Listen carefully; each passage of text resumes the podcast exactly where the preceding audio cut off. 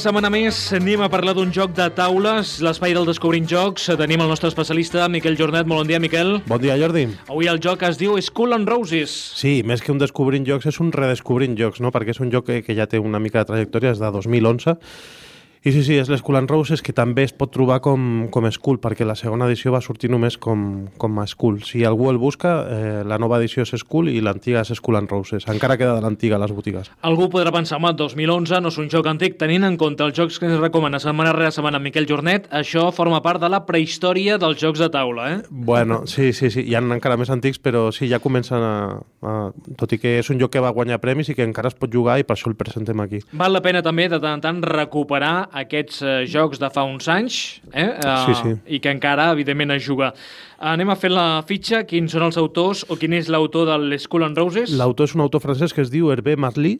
els artistes gràfics, D'aquesta primera edició és una noia que es diu Ros Kipik. l'editor, És eh, Louis Mem, eh, que és un estudi, una microeditorial que després treballa per Asmodee, el gegant del, de l'edició de jocs. un, eh, en aquest cas, nombre de jugadors, Eh, de 3 a 6 jugadors, a partir de quina edat seria recomanable, a partir de 14 anys, temps de partida, uns 45 minuts. està bé, mecàniques del joc, És un joc nu, eh, saps com quan diem un vi monovarietal de xarelo per provar què és el xarelo? Pues aquest és un joc monovarietal de bluffing. Per saber que és un joc de bluffing, amb aquest ho sabem, no té res... Eh, bluffing és enganyar, Sí, és, és, és, bueno, sí, és enganyar. Eh, també es poden enganyar amb aquestes definicions de quan bevem un vi, eh? Sí, sí, sí, sí, sí, però ho dic perquè no té barrejada cap altra mecànica, cap altra dinàmica, és, és bluffing pur i dur, i si voleu jugar un joc d'enganyar nu, és, és el Skull and Roses. Uh, posició, En el rànquing de la Board Game Geek està el 481, eh, barrejat amb tota mena de jocs, però si anem a la seva pròpia categoria, de, és un party game, eh, és, està el número 33, que està prou bé. el preu, Eh, ai, no hem dit la nota mitjana, que és un 7 amb 1, que, és, que està molt ben valorat, i el preu surt per uns 16 euros aproximadament. a qui agradarà, Doncs mira, agradarà a aquelles persones que volen posar a prova als altres i que a més a més gaudeixen d'aquests moments de confiança, desconfiança dins de l'entorn que facilita aquest propi joc. Doncs aquesta és la fitxa de l'Skull and Roses, aquest joc de taula que mm, parlarem en el dia d'avui, joc de l'any 2011, però que, com deia abans Miquel, ha obtingut diferents eh, premis. Tradicionalmente, las bandas de moteros elegían a su líder en una despiadada competición llamada De vuelta a la pista, consistente en mantenerse el mayor tiempo posible siendo arrastrado por una moto de gran cilindrada, sin derramar una sola gota de cerveza. El triste estado en el que quedaban los participantes después de esta confrontación, sin embargo, llevó a los miembros de estas bandas a buscar una prueba menos dolorosa. Fue en las reuniones en su bar favorito, el Skull and Roses, donde los moteros más maquiavélicos idearon el formidable juego de lanzar faroles que utilizan ahora para elegir a su líder supremo. ¿Crees que puedes dominar a tus oponentes? Demuéstralo. Doncs eh, aquesta és la, la història de, de, dintre del joc de l'Skull and Roses. Diu que, que ve d'un joc violent que practicaven els, els moteros que van dir, mira, això millor que ho deixem de practicar i, i anem a una cosa més pacífica, no? I, i van idear aquest joc justament amb un component que quan l'ha vist el Vicenç, quan, quan hem obert la capsa, diu, o sigui, això són posagots, eh, falten les cerveses, i és que realment dona la sensació, i està fet eh, a propòsit aquesta edició, que, eh, que semblin posagots de cervesa, de bar, eh, i tot es juga amb uns posagots. Eh, de fet, bueno, aquest joc eh, me'l van descobrir els amics de, del Club del Joc del CAE, i perquè jo l'havia vist en diferents ocasions però no l'havia jugat i quan el vaig jugar va ser també en una situació molt, molt de bar també i, i, i realment és un joc que brilla en, en aquest context, no? te'l pots portar un bar i, i jugar i no desentona res i la gent se'l podria fer perquè són trossos de cartró i poca cosa més. Expliquem una mica el... No donis idees, que si no després l'editorial ja veuràs. No, no, però, però tan guapo com això no quedarà. Eh, bàsic, hi ha sis posagots quadrats que per una banda tenen mm, roses i per l'altra calaveres, que són els esculs en roses. Això, cada jugador té un i se'l posa per la banda vista dels esculs cap a dalt. Tothom té un i és aquí on jugarà la, els seus posagots rodons, perquè després cada, cada jugador tindrà quatre posagots rodons mm, que és com que pertanyen a diferents bandes. Hi ha els Seagulls, hi ha els Snakes, hi ha els Panthers, eh, els Werewolves, i aquests quatre posagots tenen per una banda l'epígrafe o, o, o el logo de, de la banda, dels Panthers, per exemple, i per l'altra hi ha tres que porten roses i un que té una calavera. Aleshores, cada jugador en secret a l'iniciar una ronda agafa un dels seus i posa i el posa caravall a sobre del, del seu posagots quadrat. I tothom fa el mateix. ¿vale? I després continuem i eh, tenim l'opció de, de que cada jugador per torns eh, afegeixi un més a la seva pila o es planti i digui un número.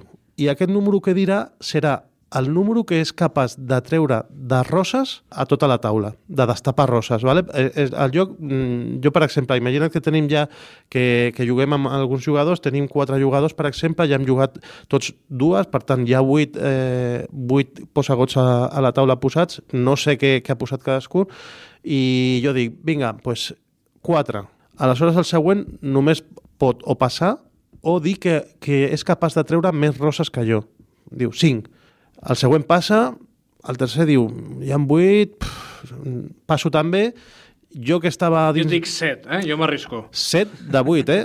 eh? Això és bastant, bastant arriscat, perquè algú t'ha pogut colar la calavera, que aquí està la gràcia del lloc. I aleshores, vale, pues tu has dit 7, vale, pues tu ets el que destapes, però hi ha una norma que això s'ha de complir sempre, que sempre destapes primer la, els teus posagots, vale? Sempre has de fer pam, pam, destapar. Vale, doncs jo, sí, imagina't que, que eres, eres jo i uh, jo destap... Per tant, si jo en tinc uh, tres i un d'aquests tres és una, la caravela, si jo dic, per exemple, 8, haig de destapar els tres meus. Sí, i, i, i quedarà clar que has dit eh, que, que, que, que has dit una mentida i ja perdràs directament perquè hi ha una calavera.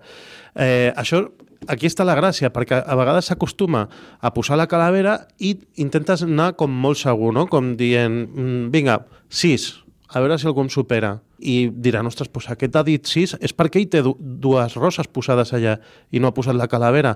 Va, doncs jo dic 7. I aleshores, quan, quan fas això, tu ja passes la següent i és quan enganxes els altres que quan t'aixequen les teves perquè pensen que anaves molt segur, realment havies mentit i havies posat una calavera.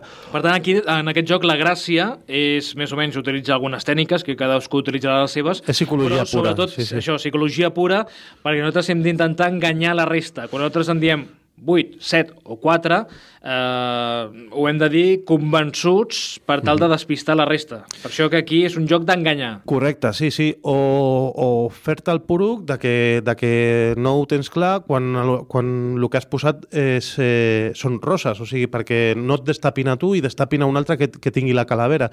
Eh, és una mica això, jugar una mica amb, amb el... Eh, el Bruno Faiduti eh, va dir que és un joc que tot passa al cap dels jugadors i, i sí que és veritat, o sigui, perquè això, els cartrons són suports només, és, és una formalitat, però eh, es juga sempre més dins del teu cap que, que fora, perquè al, al final aquí el que fas és resoldre la situació. Què passa quan un aconsegueix destapar totes les roses que ha dit a la seva aposta? De, he dit 7 i he destapat 7. Pues li dona la volta al seu posagots eh, quadrat, marcant que ja ha trobat una rosa a la que ho fa per segona vegada guanya la partida i així es va jugant. I està, està molt bé perquè és molt divertit, es donen situacions que, que dius, ostres, és que com, com me l'has ficat aquí la, la calavera, que, que, i és, és bastant divertit. També les, eh, les il·lustracions i tot, eh, l'arròs que pica aquesta, mm, és molt rotllo tatu, molt, molt així canalla, molt de, molt de de les tribus aquestes motars i tal, i, i té gràcies. També té cosetes, per exemple, hi ha la banda dels Werewolves, perquè l'editor és el Philippe Despaliers, que és l'editor de L'Hombres Lobo Castro Negro i s'ha fet també aquí, pues, ha fet un grup que són els Werewolves i realment tu quan ho has vist ho has detectat, ja es nota que tens cultura Publicitat lúdica. Publicitat subliminal, això. Cultura lúdica, tu dius, això sembla L'Hombres Lobo Castro Negro, no? I, i sí, sí, eh, ho has vist molt bé perquè a vegades hi ha aquests guinyos editorials d'un altre lloc mm, al, al Ficudins, que, com vam veure, per exemple, amb, amb el hit Z-Rod, que, que sortia la carta del Dixie, la carta de l'Aventureros al tren, totes aquestes coses, pues, aquests guinyos s'acostumen a fer cada vegada més. Doncs és Cool and Roses, anem a fer una partideta. Quina música ens proposes avui? Doncs mira, he portat eh, música de Los Fabulosos Cadillacs, és una, una cançó que es diu Calaveras i Diablitos, com no podia ser d'una altra manera.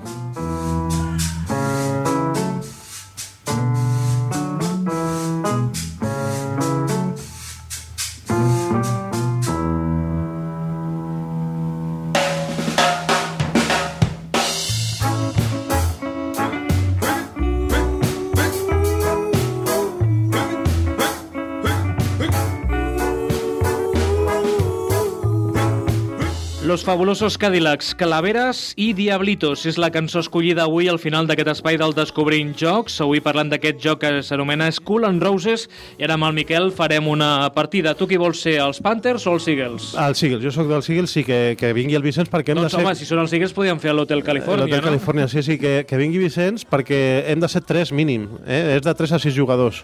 Uh, per tant, home, al Vicenç li podíem donar els Bulls, no? No, mira, deixem els Eagles perquè Ah, és... ah, això sí, mateix, sí, sí, això sí. mateix. Serem bons, sí, i m'agafo els Snakes, va. Els Snakes, Vinga. jo els Panthers, que el tenia abans. Ho tenim. Doncs anem a fer una partida. Vinga, Miquel, quantes roses dius? eh, pues mira, diré per començar baix 3. Tres? Quina mentida acabes de dir. Jo dic quatre, va.